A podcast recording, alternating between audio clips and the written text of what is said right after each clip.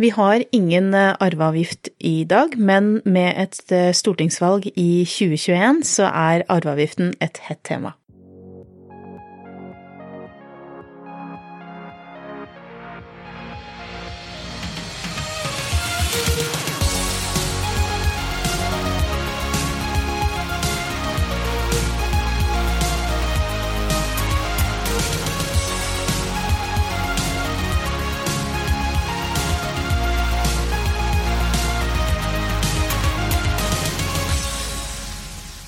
Velkommen til Tennencast, en eh, podkast som tar for seg ulike tema innenfor eh, arv og generasjonsskifte.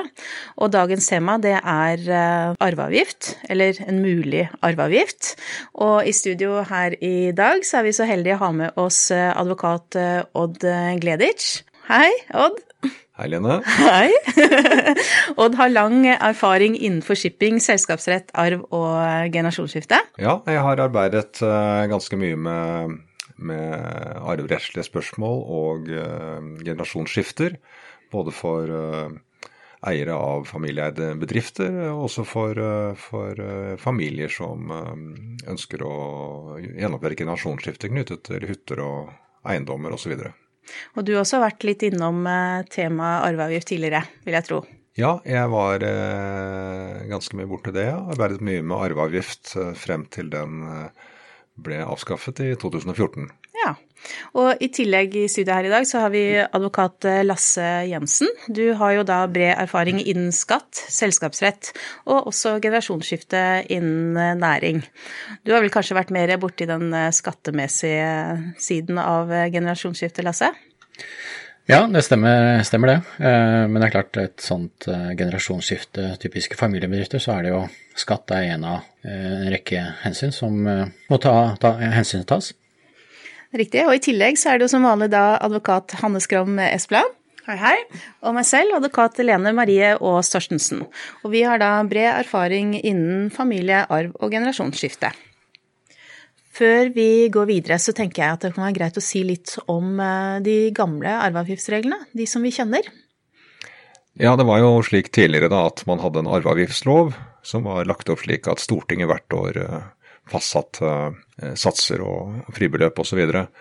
Generelt sett så var det på slutten av arveavgiftslovens levetid slik at eh, det var et fribeløp på omtrent en halv million for eh, overføringer fra foreldre til barn, og en sats på maks 10% og maks 15% for andre arvinger. Så det betyr egentlig at man kunne arve opp til en million verdier for opp til en million før man måtte betale arveavgift? Det er helt riktig, og, men allikevel så var det jo veldig mange vanlige mennesker som måtte betale ganske mye arveavgift. Eh, ta eksempelvis eh, dette med fritidsboliger i Vestfold, hvor en helt vanlig fritidsbolig kunne bli verdsatt til 10-15 eh, millioner kroner. Så, så, så kan arveavgift på det selv det relativt beskjedne nivået føre til at man må selge. Og det skjedde jo i veldig mange tilfeller, at, at et familiested ble solgt pga. at man ikke klarte eller ønsket å betale den arveavgiften som påløp. Og det er jo der dette urettferdighetsbegrepet har eh, blitt brukt. Vi ser jo det i media at det er mange som mener at eh, arveavgiften er urettferdig, og andre mener at den ikke er det. Men det er vel egentlig et godt eksempel på det, hvor den kan føles eh, litt urettferdig, da. De fleste mennesker er jo ikke så veldig interessert i å betale mer skatt og avgift enn nødvendig, og akkurat arveavgiften rammet jo i stor grad helt vanlige mennesker, og ble vel i brede lag oppfattet som en, litt urettferdig skatt. Men dette gjaldt jo ikke bare fritidseiendommer, dette gjaldt jo også i stor grad eh, innenfor næring og generasjonsskifte innen næring? Ja, og, og der var det jo en, et unntak som, nettopp for å avlempe noen av disse ulempene ved arveavgiften, at det kunne bli for eh, altså for stor avgift å, å, betale. og Derfor var det særregel for, for aksjeselskaper så, i familiebedrifter. Og eh, der var det jo sånn at verdsettelsen av disse aksjene ikke ble verdsatt og ikke kunne verdsettes til eh, virkelig verdi, eller antatt virkelig verdi, eh, men man brukte skattemessig formuesverdi. Og opprinnelig så var jo skattemessig formuesverdi Du skulle bruke 30% av skattemessig formuesverdi. Og så ble den sakte, men sikkert øket opp til 100% Men det var jo en politisk konsensus, for å si det sånn. For at man skulle lette generasjonsskiftet i familiebedrifter, og, få, få, det til. Fordi at når det betales, eller blir utlignet arveavgift i et generasjonsskifte i en familiebedrift, så er det jo inntekts... Altså den, der de får inntektene er jo Eh, i lønn, eh, er jo fra sitt eget selskap. Og det er jo da typisk selskapet ved utbytter hvor man tar ut ekstra utbytte for å dekke inn eh, den gang formuesskatt. Eh, så sånn sett så, så, ble det en kostnad eh, reelt i selskapene. Hva du mente? Du sa formuesskatt? Ja, arveavgift. Ja. Arveavgift, ja, ja. Det er bra. Men Nå begynner arveavgiften å være litt sånn et gammelt begrep, vet du, så vi må børste litt støv av det igjen. men, men, ja. når du sier generasjonsskifte innen næring, Lasse, har du noen eksempler eh, å komme med? Ja, det, det, det, var jo flere generasjonsskifter som eh, ble gjennomført. Og det vi typisk tenker på er jo generasjonsskifter i, i levende livet. Og det kan jo være alt fra uh, den lille sportsbutikken som overføres fra, fra far til aktiv uh, datter, til mye større generasjonsskifter i store ikke-børsnoterte selskaper. Og der har vel Odd noen eksempler også, vil jeg tro? Ja, og det er jo, det er jo sånn på, på, samme måte med arveavgift som med formuesskatt, at i stor grad så, så må disse skattene og avgiftene finansieres i realiteten av selskapet ved at man eh, utbetaler utbytte. Um, og, og, og, problemet jo de, de, gjelder jo særlig de bedriftene hvor man ikke har noe særlig utbyttekapasitet, men hvor, de, hvor verdien da kan være relativt høy allikevel. Og, og, og, hvordan skal man da finansiere eh, arveavgifter, eller for den saks skyld formuesskatt. Og da, da, da, som Lasse sa, så var det jo stor politisk vilje til å ha en innretning på systemet slik at dette skulle være mulig.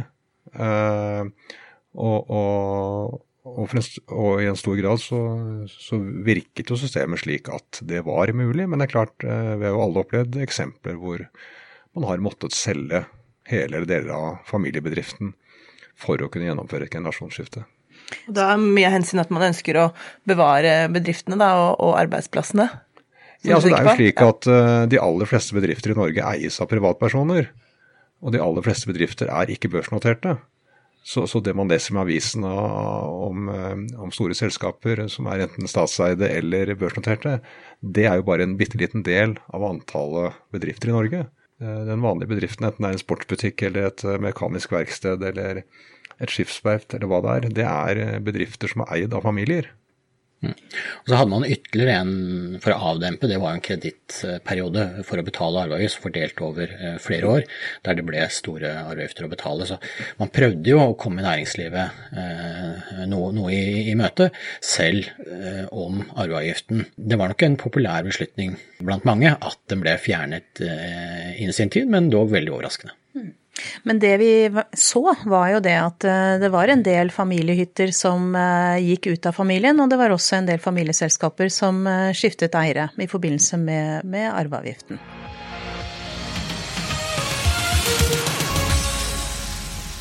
Som nevnt innledningsvis, så er det jo mye snakk om innfør, mulig innføring av en ny arveavgift. Og du, Lasse, var jo litt innpå en og nevnte ordet formuesskatt, men det vi vet er at eh, i 2021 så er det et nytt stortingsvalg. Hva vil dere si om det som eh, snakkes om i dag? Ja, du kan si at eh, det blir snakket mye skatt om dagen. Det gjelder både fritaksmetoden, men formuesskatt som du nevner, som særlig Arbeiderpartiet har snakket om, at det, de vil se på den. Så er det jo også mange andre partier som både Venstre, Eh, SV og Rødt, som også har snakket, og mer om eh, arveavgift. Eh, og, og, da snakker vi jo kanskje om en arveavgift, sånn jeg forstår, hvor man snakker om ganske store fribeløp, opptil fem millioner, kanskje enda, enda mer, slik at mange av den grunn blir fritatt.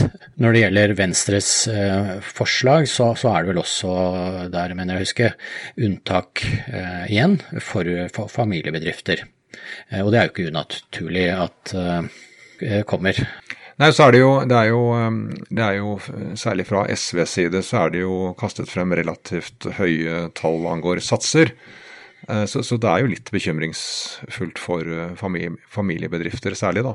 Fordi at, eh, som vi allerede har snakket om, så er det reelt sett bedriften som må betale arveavgiften på samme måte som formuesskatten. Og hvis vi nå får en gjeninnføring av arveavgiften kombinert med en økning av formuesskatten, så, så, så, så er det det politiske holdt jeg på å si, resultatet av det er jo at det blir vanskeligere å være eiere av familiebedrifter, og flere familiebedrifter vil da bli solgt enten til eh, børsnoterte selskaper eller til utlendinger. Når vi snakker om denne fribeløpet, så har det vel vært nede i fem millioner også, mener jeg har hørt. Så det er vel ikke Det kan jo ramme egentlig flere enn det vi ser for oss. Jo, men hvis fribeløpet er fem millioner per person, så fra hver eh, giver eller arvelater, da, så er det klart at eh, da, da, skal du ha en relativt stor formue før det blir arveavgift.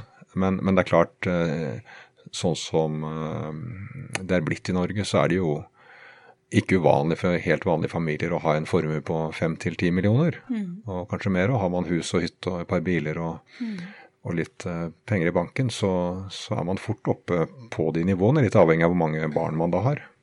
Og så I tillegg så er det jo, hvis man da tenker at det skal være proveny for staten, så erfaringsmessig så må man jo ha et visst volum på hvor mange som betaler denne avgiften for at uh, det skal bli noe proveny. Uh, du kan si at arveavgiften er jo også tiltenkt for å få en fordelingsvirkning uh, mellom de med store inntekter og de med mindre inntekter. Men, men allikevel, et system erfaringsmessig for å være opprettholdet må ha en viss provenyeffekt, ellers så har det jo kanskje en kan jo fort forsvinne igjen også ved, ved, ved, neste korsvei. Så eh, jeg, jeg, tror eh, antagelig hvis de, det blir et regjeringsskifte som det er flertall for arveavgift, så vil det nok, vil jeg tro, komme en arveavgift som er med et litt visst bredt eh, politisk enighet om, så man ikke risikerer at en arveavgift som kommer, er i fire år, eller i hvert fall inntil neste regjering kommer. Det har også vært et tema, det der med de som har arbeidet med arveavgift, da, alle skjemaene og kompetansen ute hos eh, skatteetaten, da. Eh, de har jo ikke arbeidet med dette. De har vel arbeidet delvis med det fra 2014 for, for dødsfall før det, men mye av den kompetansen er vel kanskje noe på vei ut. Eh, og disse skjemaene de bruker er vel ikke i bruk lenger, så det er et stort apparat som skal på en måte gjeninnføres også, da. Det blir, blir vel som i Storbritannia, da, hvor ingen har arbeidet med med handelsavtaler og, og, den type ting eh, på veldig mange år. Og det er jo helt klart at de som var spesialister i skatteetaten på arveavgift, de har arbeidet med helt andre ting de siste fem-seks årene. Så, så, det må jo bygges opp uh, ny kompetanse, i hvert fall for en stor grad i skatteetaten. Men, men det, det, lar seg sikkert ordne. Og um, så er det jo slik at all, all type alt, alt, type skatt og avgift vil jo ofte bli fremstilt uh, som veldig enkelt fra politikerens side, men, men, for oss som arbeider med det, så vet vi at det er komplisert hvis man skal gjøre dette noenlunde rettferdig og, og riktig. Så, så, det er ikke bare å gjeninnføre dette over natten. I tillegg der, og jeg tror heller, hvis man nevnte dette begrepet rettferdig, det kommer ikke til å bli en løsning som alle vil føle som rettferdig. Det er ikke mulig å få til. og det tror jeg det politikerne er fullstendig klar over. Eh, men det er klart å få den balansert tilstrekkelig. Hmm. Men vi snakker jo om eh, hvis det kommer en ny eh, arveavgift. Hvis det nå blir slik da, at vi får en ny arveavgift, når kan vi spå at denne trer i kraft? Ja, Den trer i hvert fall ikke i kraft i 2020. Så det, det, sikre rådet er jo, hvis man går med planer om å gjøre et generasjonsskifte, det er jo å gjøre det i 2020. Hvis det blir et flertall for arveavgift etter stortingsvalget i 2021, eh, så er det jo litt avhengig av hva slags teknikk man bruker. Hvis man velger å gjeninnføre en arveavgiftslov, så tar det jo litt tid før man får vedtatt den loven, så da kan man jo kanskje tenke seg at det ikke blir effektivt før i 2022. Eh, men det kan også tenkes andre løsninger, f.eks. å lage et nytt kapittel i skatteloven. Det kan gjøres raskere. Og da kan man tenke seg eh, at fra et eller annet tidspunkt i 2021 at eh, arveavgiften eh, da kan innføres. Jeg er vanskelig for å tro at man kan ta det fra 1.1, fordi å gripe inn i transaksjoner som reelt sett er gjennomført før man innfører en, en lov eller en lovendring, det vil jo veldig raskt bli rammet av Grunnlovens forbud mot tilbakevirkning. Det er helt enig og det du nevner er jo det er særlig i media, i Finansavisen, hvor man har snakket om 20, 2021, at uh, den kan komme allerede på, det tidspunkt. Men jeg tror nok mest sannsynlig, som Odd er inne på, at vi, snakker egentlig om 2022, hvis det blir politisk flertall for å innføre arveavgift. Og så skal man jo også tenke på, som Odd indikerte, at han sa 'de som tenker på', og det er jo det vi er litt opptatt av, at de som har en familiebedrift hvor man lenge har gått og grublet på om junior, eh, datter eller sønn skal overta, så er det per i dag ikke arveavgift, og sånn sett kanskje eh, en, det gunstigste eh, tidspunkt å, å, overføre på hvis man går i de planer. Ja, og da har man jo eh, litt eh, tid til å område seg på. Men, men, eh, det er klart at arveavgift og rykter om en arveavgift kan og vil være en, en, eh, noe som pusher på eh, generasjonsskifter som, hvor senior junior ikke har blitt helt enig i og når dette skal skje. Det ser vi jo allerede. Har vi jo fått en rekke henvendelser fra familier som ønsker å gjennomføre mindre eller større generasjonsskifter. Så det er jo helt klart at over hele Norge nå så er det en voldsom aktivitet på dette området. Og det gjelder jo da bare å gjøre dette på en ordentlig måte, slik at eh, begge generasjoner hensyntas, og slik at man ikke risikerer at det man gjør, ikke står seg etter en eventuell gjeninnføring av arveavgiften. Jeg har egentlig lyst til å, ta fram eh, to ting av det dere sier nå. og Det er jo det ene at eh, vi har jo ikke noe arveavgift i dag. Så i dag har, trenger man jo ikke egentlig å, å, ta stilling til eh, hva det vil si. Eh, det andre du sier, Odd, det er jo det at eh, det må være en realitet i det. Det kan vi komme tilbake til. Men sånn, det blir litt sånn når vi snakker om generasjonsskifte og skatt og avgifter, så blir det jo litt sånn, ja Jeg syns egentlig vi bør liksom få opp stemningen litt på det. For det er jo faktisk sånn at eh, det er jo en veldig hyggelig ting, det å kunne overdra verdier til eh, i familien.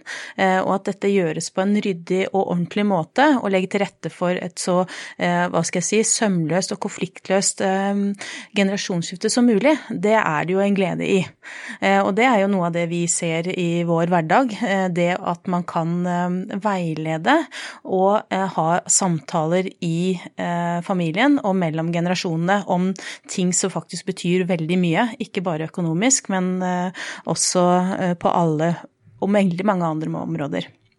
Ja, Derfor er det jo veldig viktig at man ikke forhaster seg, fordi eh, det er jo vår erfaring at det er ikke slik at man kan gå til en advokat og få satt opp en familieavtale eller hva det er, og gjennomføre det noen uker etterpå. Man må gjennom en del samtaler og refleksjoner og justeringer før man finner en eh, løsning. Fordi at, fordi at det, som jeg var inne på i stad, det gjelder jo å ta hensyn til begge generasjoner. Eh, folk som er eh, relativt unge, da, som har tenkt å leve noen år til, de bør jo ikke gi fra seg alt. Og, og, samtidig så må man jo ikke gjøre det slik at man gir masse verdier over til neste generasjon uten å gi dem mulighet til å betale uh, formuesskatt osv. Så, videre. mm. så Så her er det snakk om en balansert løsning. Ja. Vi, I vår eh, hverdag Anne, så er vi veldig opptatt av det med, med realitet. Eh, det at man skal gi eh, forskudd på arv f.eks., og at det er en realitet i den eh, gaven man gir. Ja, det er med tanke på hvis det blir, særlig hvis det blir gjeninnført en arveavgift, så er man opptatt av at den gaven man gir, at det må ha en realitet. At man, hvis man f.eks. overfører familiehytta til, eh, til, barna sine, eh, så kan man ikke ta forbehold om full bruksrett eh, hele året. Da er det ikke sikkert at det vil anses i ettertid å ha en realitet av den overdragelsen. Én ting er at det blir overskjøtet, og at man formelt står som, som eier. Men det er jo også av betydning hvem som reelt sett bruker hytta og, og betaler for utgifter og sånn underveis, da. Dette kan også være av betydning i forhold til om gaven blir å anse som eh, en dødsdisposisjon, eller om gaven er gitt i levende live. Men uh, nå begynner vi å gå inn på finjussen, så jeg tror ikke vi skal bruke noe mer tid på det nå. Men bare dette, Jeg skulle nevne én ting i forhold til det med tidspunkter. da, Så er det jo mange som uh, også tenker på det med ny arvelov, som man snakker om at kanskje også trer i kraft fra 2021, da. Som samme, liksom rundt samme tiden som vi snakker om arveavgift. Nå har vi hatt, spilt inn en egen episode om endringene i den nye arveloven.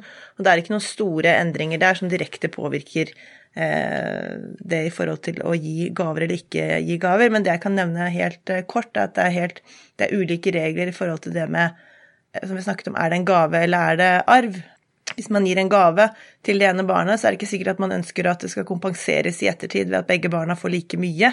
Eh, mens hvis man gir forskudd på arv, så er det jo ofte fordi man ser for seg at den ene får en gave i dag, og så skal det andre barnet bli kompensert i, i arveoppgjøret senere. Og det er det vi kaller for avkorting. Eh, og etter den gamle loven så er det spørsmålet om gaven skal avkortes i ettertid, eh, er jo da basert på om det var givers ønske eller ikke. Mens etter den nye arveloven i dag, eh, som trer i kraft da i tidligst 2021, så er spørsmålet om det er satt som en klar betingelse for gaven da den ble gitt, eh, og helst at det skal være skriftlig. Så det er også en, en, et annet krav i forhold til avkarting som vil komme med den nye arveloven, og som også vil være relevant i forhold til eh, når man gir forskudd på arv. Det er veldig bra. Vi snakker også om det med, med Ja, Lasse, nå har du hånda oppe. Det, ja. det, det var litt. Jeg er ikke så vant med podkast. Eh, men eh, bare grip litt fatt i det som Lene og for så vidt Oddsen snakker om, at dette skal føles rettferdig, det skal være noe positivt. Og i forhold til dette med overføring også, eh, når det gjelder familiebedrifter, så, så er det veldig viktig at både senior og kanskje aktive og passive juniorer er fornøyd med det generasjonsskiftet som gjennomføres. Og metoden som ble brukt mye tidligere, var jo at senior eh, ga fra seg noe av aksjene, altså et delvis generasjonsskifte, og at de aksjene som ble gitt til sønn eller datter, som skulle være aktiv i bedriften, var såkalt B-aksjer. Eh, og så er det jo da viktig i forhold til sånn som det var tidligere, at aksjene reelt blir overført både eiendomsmessig, og at den som mottar har disposisjonsrett over aksjene, typisk rett til å selge, rett til pantsette, og ikke minst dette med utbytte.